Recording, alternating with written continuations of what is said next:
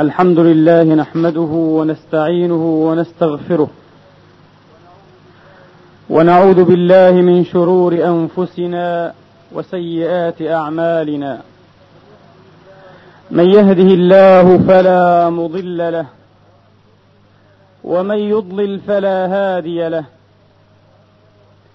وأشهد أن لا إله إلا الله وحده لا شريك له. وأشهد أن سيدنا وحبيبنا ونبينا محمدا عبده ورسوله وصفوته من خلقه وأمينه على وحيه. صلى الله تعالى عليه وعلى آله الطاهرين وصحابته المباركين وأتباعهم بإحسان وسلم تسليما كثيرا.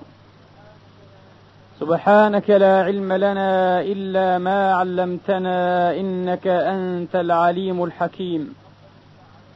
ربنا افتح علينا بالحق وأنت خير الفاتحين. عباد الله أوصيكم ونفسي الخاطئة بتقوى الله العظيم ولزوم طاعته. كما أحذركم وأحذر نفسي من عصيانه ومخالفة أمره لقوله جل وعز من عمل صالحا فلنفسه ومن أساء فعليها وما ربك بظلام للعبيد. أما بعد أيها الإخوة المسلمون الأفاضل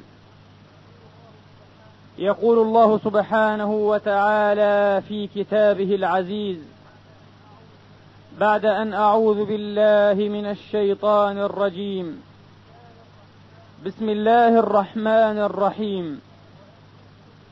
وإن خفتم ألا تقسطوا في اليتامى فانكحوا ما طاب لكم من النساء مثنى مثنى وثلاث ورباع. فإن خفتم ألا تعدلوا فواحدة أو ما ملكت أيمانكم. ألا تعولوا. أيها الإخوة الأفاضل يثور بين الحين والحين الحديث عن مسألة تعدد الزوجات في الإسلام العظيم. هذه المسألة التي نعتها الفيلسوف والعالم الفرنسي جوستاف لوبون بأنها أكثر مسألة تعرضت للتشويه بين الغربيين من مسائل الإسلام وقضاياه. لم تتعرض مسألة من المسائل قدر ما تعرضت هذه المسألة للتشويه المتعمد حتى يقول جعلوها شارة الإسلام أي عنوان الإسلام وترجمته حتى جعلوها شارة الإسلام وسببا في انتشار هذا الدين العظيم. على أن هذا المؤرخ المنصف الثقة المتبحر بعد أن استعرض وجهات النظر المختلفة والبواعث المتباينة على تشريع أو من وراء تشريع هذا التعدد أو التعديد مال إلى وجهة نظر الإسلام. وجعل التعديد مندوحة عند وجود ضرورات اجتماعية أو ما هو في حكم هذه الضرورات الاجتماعية.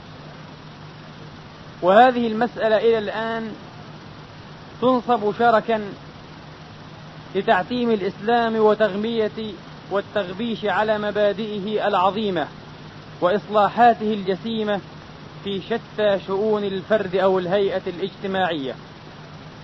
فأريد إن شاء الله تعالى أن أعرض لها عرضا يتناول بعض جوانبها مما أرجو إن شاء الله تعالى أن يكون فيه الكشف والإيضاح والتبيان عن حقيقة وروح التشريع الإسلامي في هذه المسألة وفيما شاكلها أو لابسها من مسائل ومشاكل.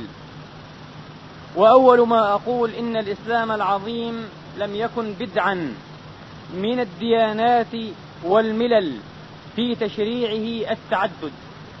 فقد كان التعدد معروفا في الأمم التي لم تدن بأديان سماوية بأديان سماوية كما كان معروفا ومشروعا ومقررا في الملل والأديان السماوية. عرف عند الفراعنة أو بالأحرى عند الأمة المصرية القديمة كما عرف بين الهنود وعرف بين اليونان وعند الصينيين بل عرف حتى في بلاد الروم قديما. وأما في الديانة اليهودية فشأن التعدد فيها ظاهر جدا من ملاحظة أسفارها وكتب وكتبها المحفوظه أو الموجوده إلى يوم الناس هذا. فقد حدثنا العهد القديم أن داود النبي الملك عليه الصلاة وأفضل السلام كان له من الزوجات ثلاثمائة زوجة. وأما ابنه سليمان عليه وعلى نبينا الصلاة والتسليم فكان له سبعمائة زوجة وسرية. كان له سبعمائة زوجة وسرية يتسرى بهن عليه الصلاة وأفضل السلام. وهكذا أكثر الأنبياء والمرسلين.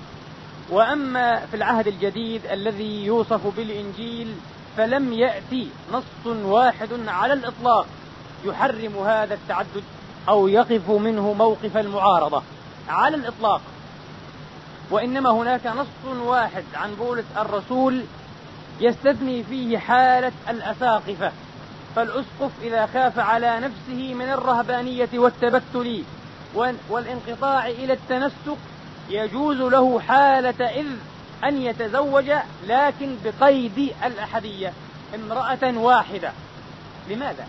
هذا الإفراد في مقابل التعدد لم يكن الباعث عليه تنزيه المرأة ورفعة مكانتها بزعمهم أن يشاركها في زوجها ضرة أخرى بل كان لاعتبار ولباعث آخر تماما انطلاقا من نظرتهم إلى أن المرأة شر وهذا الشر ربما استحال في مثل هذه الصورة شرا لا بد منه. فلا بد أن يقتصر هذا الأسقف الذي انقطع إلى التنسك والتبتل على أقل ما يمكن من هذا الشر الذي لا بد منه. على امرأة واحدة حتى أن عددا من آباء الكنيسة قد عزفوا واستنكفوا أن يجعلوا كما أشرت إليه في خطبة سابقة أن يجعلوا المرأة كائنا إنسانيا يتمتع بالروح الإنساني.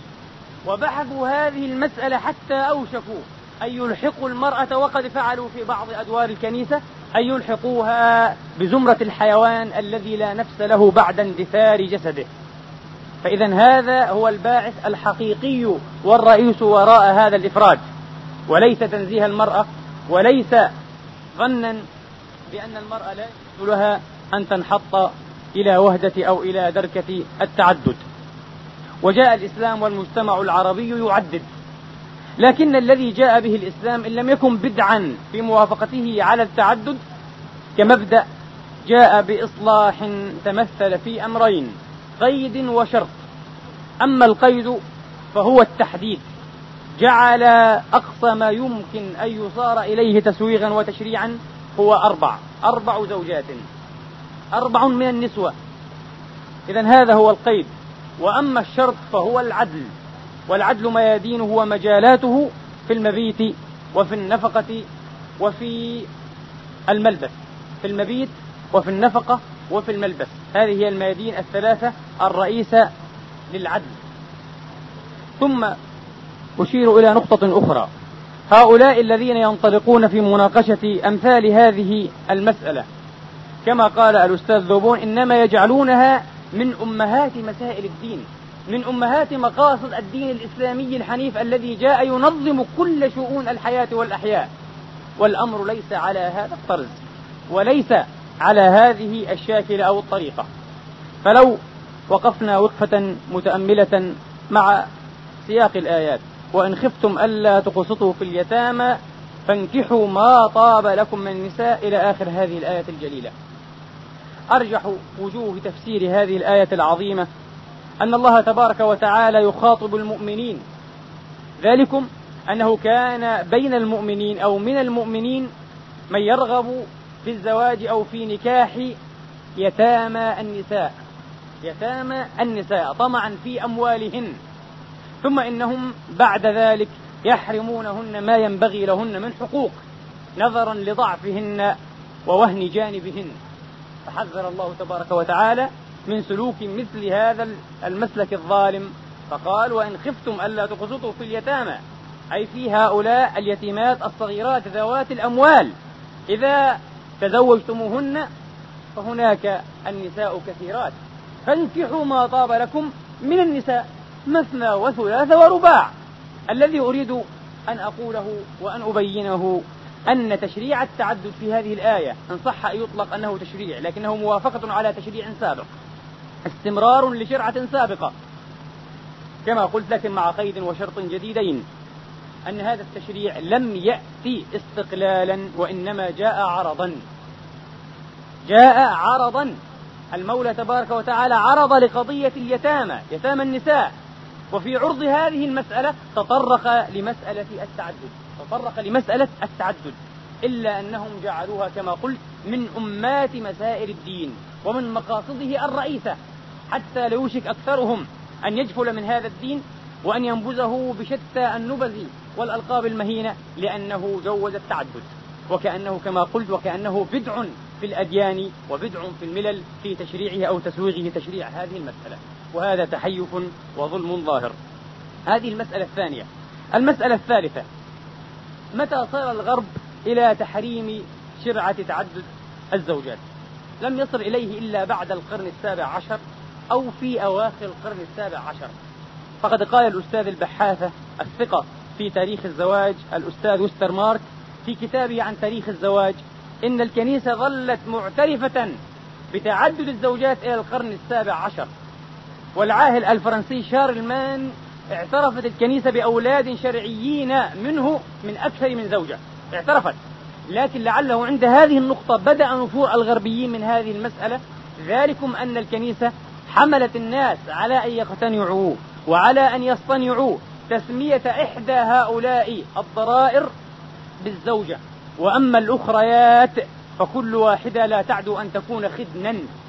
وفي هذا بلا شك مهانة لاحقة بالمرأة. مهانة لاحقة بالمرأة. فربما كان هذا سبب من أسباب النفور من هذه الشرعة. وأما في الإسلام فالوضع يختلف تماما. ذلكم أن الشرط الأوحد في هذه المسألة هو شرط العدل. هو شرط العدل. والعدل في القضايا الأدبية يزيد ويلزم أكثر منه في القضايا المادية. أكثر منه في القضايا المادية. ونقطة أخرى. أكثر من يجادل في هذه المسألة صنفان من الناس. النساء عموما وإجمالا وبعض الرجال.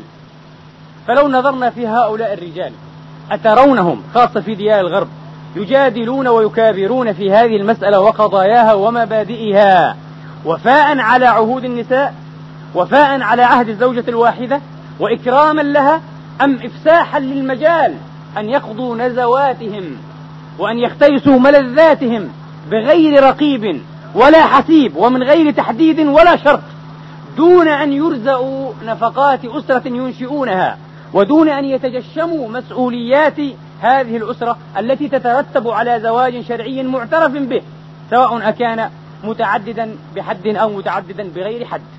هذا هو الظن في أغلب هؤلاء هذا هو الظن في أغلب هؤلاء. وأريد هنا أن أقف مع أحد هؤلاء المشرعين العظام وأصحاب الفكر النير كما يقال في حقهم وهو الفيلسوف الإنجليزي الكبير. وقد كان نابغة من نوابغ الرياضة أي الرياضيات والفلسفة.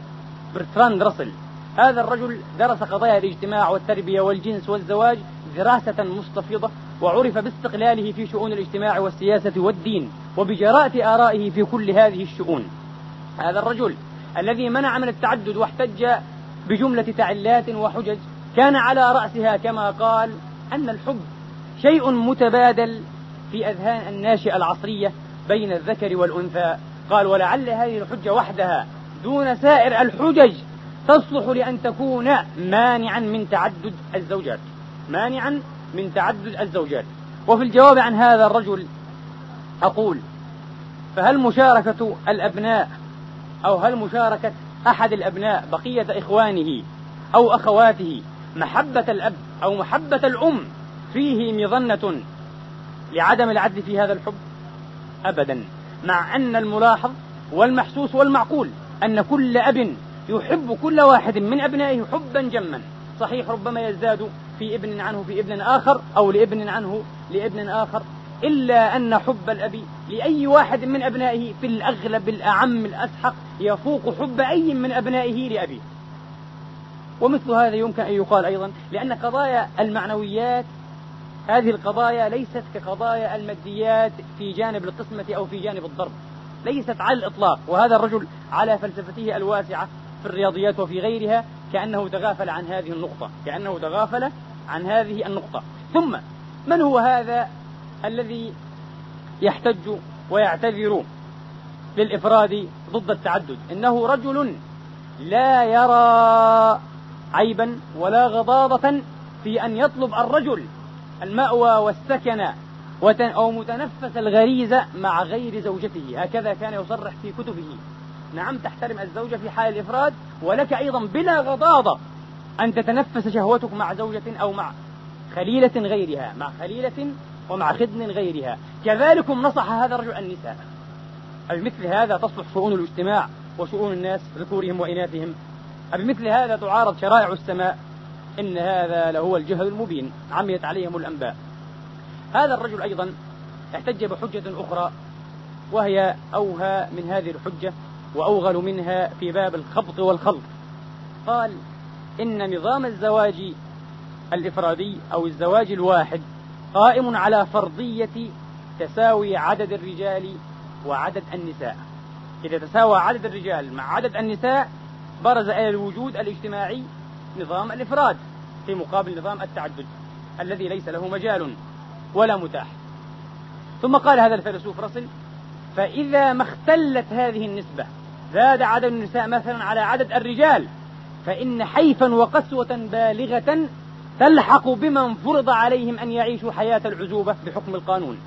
صحيح هذا كلام نوافق عليه ونن عفوا وننطلق منه في تسويغ مبدأ التعدد. ولكن كيف اقترح هذا الفيلسوف الكبير والمنظر الخطير الحل لإزالة ورفع هذه القسوة البالغة؟ انظروا إلى هذا الحل العبقري. حل يكاد يكون في نظره أحسن وأسد بل هو كذلك في زعمه من حل السماء من تشريع الله سبحانه وتعالى في جميع الأديان والملل السماوية. أن تسرق بالاحتيال هؤلاء النسوة اللائي لا أزواج لهن الأزواج من النساء المتزوجات. بهذا التعبير سرقة. هذه السرقة مشروعة. تسرق هذه المرأة المحرومة هذه المرأة التي لا زوج لها الأيم تسرق الزوجة من امرأة متزوجة. قال ثم بعد ذلك هذه المرأة تحقق أهدافها وهي ثلاثة أهداف. الهدف الأول الإشباع الجنسي أو الجسماني الجسدي. تحققه عن طريق الاختلاس والاحتيال والسرقة. هذا مشروع وهذا أخلاقي في نظر هذا الرجل. والهدف الثاني الأبناء. الهدف الثاني الأبناء. هو طبعا لا يقيم أي اعتبار ولا أي وزن لكون هؤلاء الأبناء شرعيين أو أنغال. شرعيين أو أنغالا. يعني أبناء زنا. أبناء لا يقيم أي اعتبار لكونهم شرعيين أو كونهم أنغالا. والناحية الثالثة المسألة الاقتصادية. قال هنا يقترح هذا الرجل أن على الدولة حكومته الإنجليزية أن على الدولة أن تقوم بكفالة هذه المرأة وبالذات بكفالة أولادها أصالة. عظيم جدا. لو سلمنا بكل هذا الهراء وهذا الخبط نتساءل عن حق آخر مضيع. أين حق هذه المرأة المعنوي في زوج تأوي إليه؟ وتجد معه المودة والسكن والرحمة بتعبير القرآن الكريم. أين هذا الحق؟ هو لم يتطرق إليه. ثم بعد ذلك أين حق هذه المرأة في إنشاء أسرة والأسرة ليست أما ونغلا؟ ليست أما ونغلا ولدا من زنية. أين حق هذه الأم المسكينة؟ التي يشرع لها أمثال هؤلاء المعاتيد المخابيل أين حقها في إنشاء الأسرة؟ ومن نقاط الضعف التي يعاني منها الإعلان العالمي لحقوق الإنسان. واستقروا ذلك واخبروا أنه لم يتحدث عن حق الإنسان ذكرا كأن أو أنثى في إنشاء الأسرة. وهو حق من أعظم ومن أوكد حقوق الفطرة والهيئة الاجتماعية. لم يتعرض له الإعلان العالمي لحقوق الإنسان بالرغم من تعرضه لكثير من ضرورات الحقوق الإنسانية في مجال الفرد وفي مجال الاجتماع لكنه لم يتعرض لهذا الحق ولعله من أوجب ومن أرسخ الحقوق. وإذا كان الرجل يشعر برغبة جامحة باطنية صادقة متوجهة لإنشاء وتكوين خلية اجتماعية بناءة هي الأسرة ذلكم ضمن أهداف الإشباع الجسماني أو الإشباع الجسدي وضمن أهداف ترعرع مشاعر الأبوة أو الوالدية في هذه الأسرة وضمن أهداف أخرى كثيرة تحدث عنها الأديان والملل فإن المرأة أيضا تطلب جميع هذه الأهداف البينية والكلية إضافة إليها تنزع بطبعها وبضعفها وبجناحها المهيض الكثير إلى حام يحميها وإلى جناح يظلها وإلى رجل تشعر في كنفه بالقيومية وبأصالة وجودها الأنثوي مقابل أصالة وجوده الذكوري. هذه القضايا لم يتعرض لها هذا الرجل على الإطلاق وألغاها أو تغافل عنها. ألغاها أو تغافل عنها. أما الإسلام فله وضع مختلف تماما. أنطلق الآن من نقطة أخرى. ما هي البواعث التي يمكن أن يعلل بها النشأة التاريخية لشرعة التعدد؟ بعضهم كلوبون نفسه ومونتسكيو صاحب روح القوانين الفرنسي المشهور يعللان بالعوامل الجغرافية وبالطبائع العرقية. سيما طبعا في بلاد الشرق الذي انتشر فيه التعدد منذ القدم.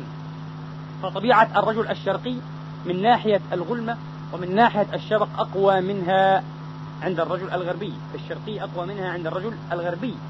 أيضا البنات في المشرق يبلغن ويستأهلن للزواج قبلهن في المغرب أو في الغرب. هذه ناحية أخرى. ثالثا ربما تخلف المجتمع الشرقي وهذه حجة لا يمكن أن نصادر عليها أو أن نسلم بها لأن المجتمع الشرقي كان مهدا لحضارات عريقة قبل أن يعرف هذا الغرب ما معنى الحضارة.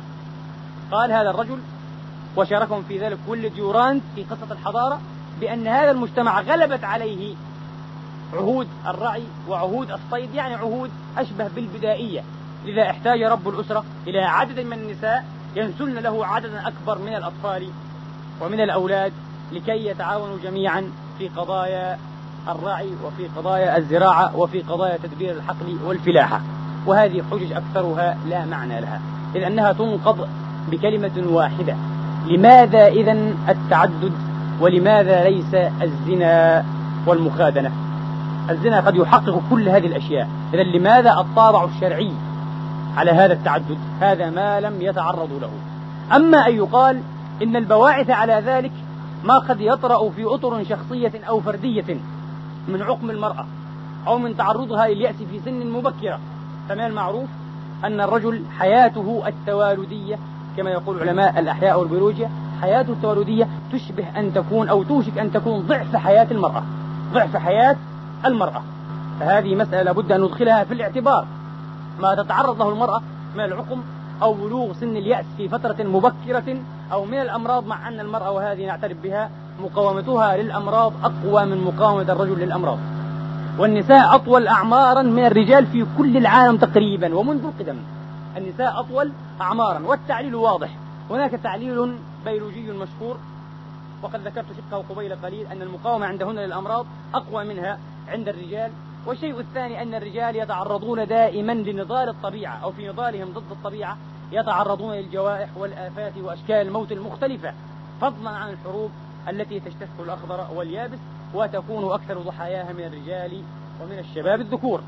ثم إن هذه النسبة قد ارتفعت بلا شك في العصر الصناعي. نسبة ضحايا الحروب ارتفعت بين الرجال في العصر الصناعي أكثر منها بكثير في العصر الزراعي أو في عصور البداوة الأولى. أمثال هذه الاعتبارات نعم يمكن أن تجعل ويمكن أن يعتدها المفكر الديني اعتبارات صادقة في تسويغ شرعة التعدد في تسويغ شرعة التعدد. فماذا يقال مثلا بإزاء كل اعتبار من هذه الاعتبارات؟ رجل عنده من القوة البدنية وعنده من التوجه الغريزي ما لا تكفيه معه امرأة واحدة. ماذا يفعل؟ يعرض نفسه لخطر الانحراف الأخلاقي؟ يعرض الزوجة يعرض الحياة الزوجية كلها برمتها للانهيار؟ ولذا قال الأستاذ المرحوم عباس العقاد عندما ناقش هذه المسألة قال إن الممنوع أي إن الناتج عن الممنوع إن إن الممنوع من تعدد الزوجات إن الممنوع من تعدد الزوجات لا سبيل إليه إلا بانهيار الأسرة ذاتها وإلا باتساع خرق الانحراف السلوكي في المجتمع نفسه. وإن المباح من تعدد الزوجات يعني إن الناتج عن المباح من تعدد الزوجات وإن المباح من تعدد الزوجات يمكن للمجتمع أن يتلافى أخطاره ونتائجه السلبية بألوان من الحيطة والتدابر التدابير الوقائية مادية كان أدبية كانت أو مادية. هذا تعبير الأستاذ العقاد المقارب رحمة الله تعالى عليه. وهذا هو الواقع وهذا الذي يشهد به حال الناس. ماذا يفعل هذا الرجل؟ ثم إن أكثر النساء كما تعلمون يعتذرن عن المواقعة في ثلث حياة معاشهن مع الرجال. بسبب الدورة الشهرية ولسبب طيلة فترة الحمل عند إناث الجنس الإنساني أو النوع الإنساني ولسبب أيضا ما يطرأ عليهن من أمراض ثم لسبب بلوغهن سن اليأس في فترة مبكرة نسبيا إذا ما قرن ذلك بالحياة التولدية عند الرجل وأشياء كثيرة. فماذا يفعل مثل هذا الرجل؟ ولذا لاحظت أنا والله تعالى أعلم بصدق هذه الملاحظة أو صوابها أن قوله تبارك وتعالى فانكحوا ما طاب لكم. كأن القرآن الكريم يشير إلى هذا الاعتبار بذاته. هناك رجال الذين وصفتهم قبيل قليل شدة الغلمة. هؤلاء الرجال يستطيبون النساء. يعدونهن من طيبات الحياة. ويتجهون نحوهن بحكم هذه الغريزة الدافعة وبهذه الضرورة الحازبة. فكأن الله قال هذا اعتبار له اعتداده في شرعه له اعتداده في شرعه. وقد صدق الشيخ الإمام شلتوت رحمة الله تعالى عليه في كتابه الإسلام عقيدة وشريعة عندما قال كل الذين ربطوا وناطوا إباحة التعدد بعلل غير وشرطوها عفوا بشروط غير العدل ما أصابوا ولا قاربوا. كلهم بعد الحقيقة الله ما اشترط إلا العدل فقط. وإلا لو كان الأمر كما قالوا وهذا ما حصل من بعض العلماء المسلمين لو كان الأمر كما قالوا لكان يجب على النبي عليه الصلاة والسلام أن يكون له شأن آخر. مع الذين أسلموا وتحتهم أكثر من أربع نسوة. ماذا قال لهم النبي؟ مسلكه كان منحصرا في كلمة واحدة أمسك عليك أربعا وسرح الباقي. ولم يقل بشرط كذا أو بشرط كذا أو بشرط كذا ما اشترط إلا العدل الذي اشترطه الله تبارك وتعالى بغض النظر. إذا كان الرجل قادرا على النفقة وعلى العدل يجوز له ذلك بغض النظر عن كل المبررات والمسوغات الأخرى.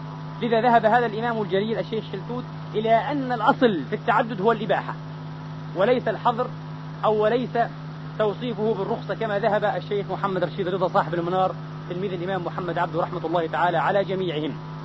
على كل حال ثم المسألة التي يتعرض لها كل مجتمع لو تركنا الصفات العرقية وما ذكر التي يمتاز بها الشرق عن الغرب أو من الغرب لكن هناك مسألة كما قلت مسألة طغيان عدد النساء على عدد الرجال.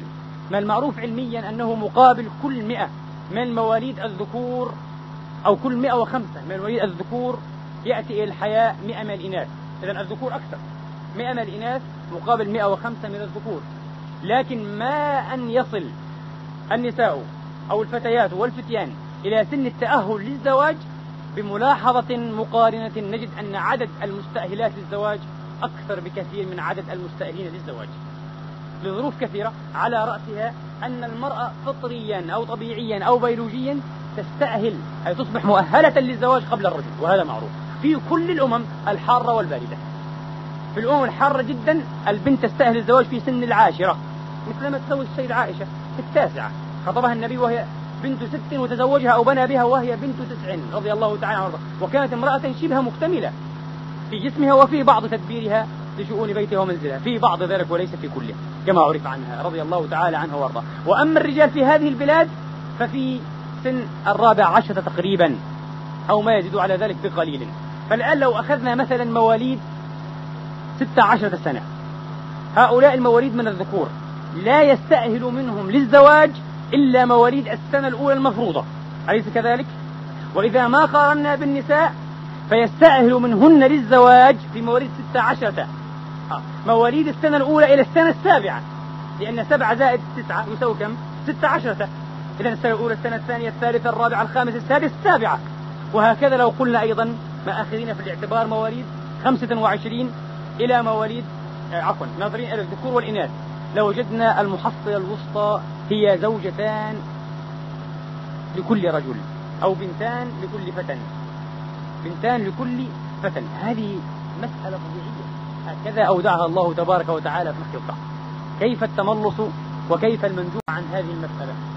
من المعروف أنه ليس هناك إلا ثلاثة احتمالات. الاحتمال الأول إما أن نبيح التعدد وربما نسلم ببعض مساوئه.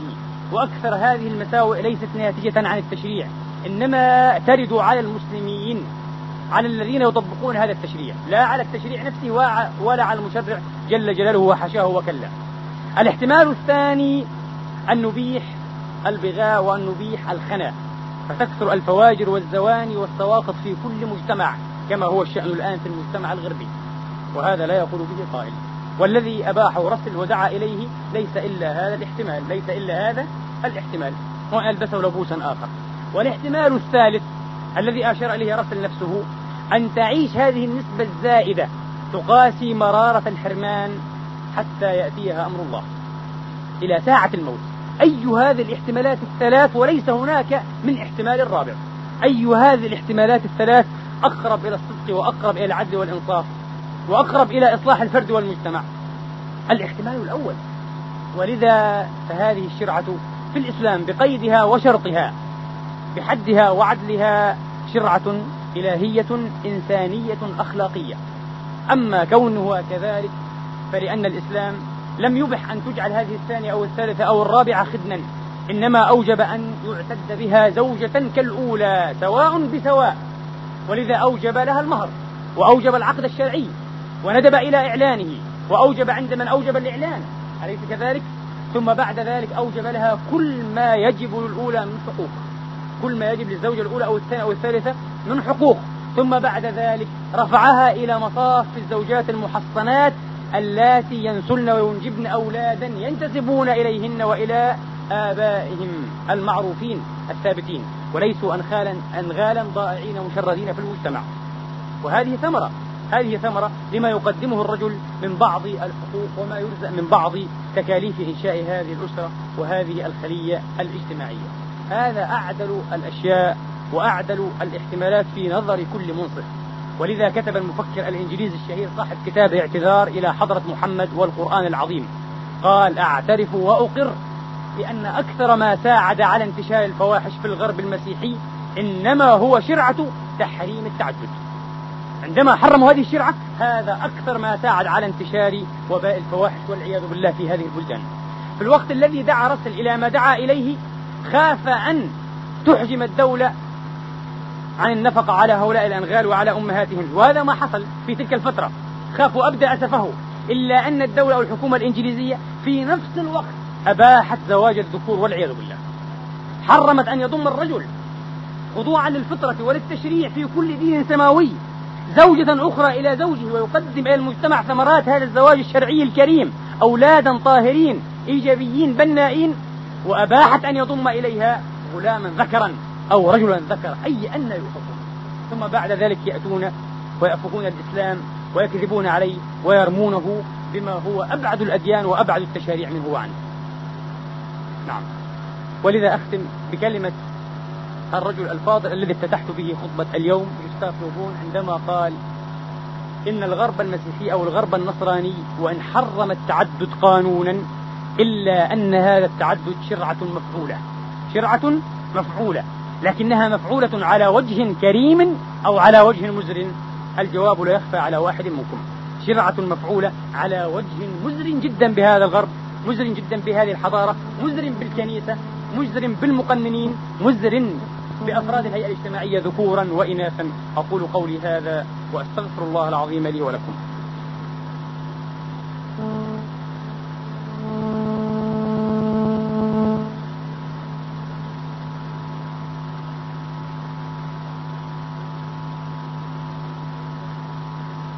الحمد لله رب العالمين والعاقبة ولا عدوان إلا على الظالمين. وأشهد أن لا إله إلا الله وحده لا شريك له الملك الحق المبين. وأشهد أن محمدا عبده ورسوله الصادق الوعد الأمين صلى الله تعالى عليه وعلى آله وأصحابه وأتباعه بإحسان أجمعين. عباد الله إن الله وملائكته يصلون على النبي. يا أيها الذين آمنوا صلوا عليه وسلموا تسليما. بك اللهم صل على محمد وعلى آل محمد كما صليت على إبراهيم وعلى آل إبراهيم. وبارك على محمد وعلى آل محمد كما باركت على إبراهيم وعلى آل إبراهيم في العالمين إنك حميد مجيد. اللهم آتنا في الدنيا حسنة وفي الآخرة حسنة وقنا عذاب النار. اللهم اهدنا سبل الأبرار. واجعلنا من عبادك المتقين الأخيار ولا تحجبنا عنك بحجب الأغيار. اللهم إنا نسألك ونضرع إليك أن تنصر الإسلام والمسلمين وأن تعلي بفضلك كلمتي الحق والدين. ربنا اغفر لنا ولوالدينا وللمسلمين أجمعين. اللهم اهدنا لما فيه صلاحنا وصلاح أمتنا. اللهم اهد شبابنا وشواب وشاباتنا. اللهم اهد صغارنا وكبارنا علماءنا وجهالنا وحكامنا يا رب العالمين. اللهم أصلح ذات بين المسلمين. اللهم وحد صفوفهم. اللهم وحد قلوبهم على قلب رجل واحد أتقى رجل فيهم يا رب العالمين. عباد الله إن الله يأمر بالعدل والإحسان وإيتاء ذي القربى وينهى عن الفحشاء والمنكر والبغي. يعظكم لعلكم تذكرون. اذكروا الله يذكركم واشكروه يزدكم. وقوموا إلى صلاتكم يرحمني.